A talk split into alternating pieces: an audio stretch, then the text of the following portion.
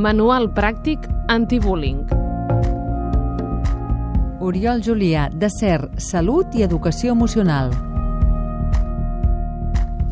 Podem actuar a tres nivells. Al nivell individual, que és el treball que faríem no només amb el nen o la nena que ha entrat en rol de víctima, sinó també amb el que ha entrat en rol d'agressor o còmplice. També podem intervindre a nivell social, que seria amb tot l'entorn, família i sobretot grup aula, grup classe.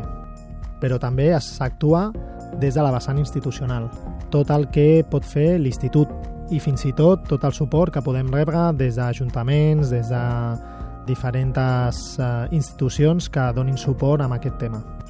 Evidentment, la intervenció institucional pot acollir les altres dues.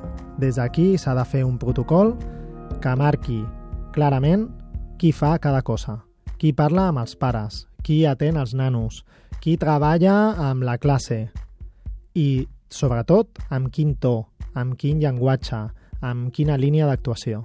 Qualsevol de les intervencions requereix una planificació, un seguiment i una avaluació.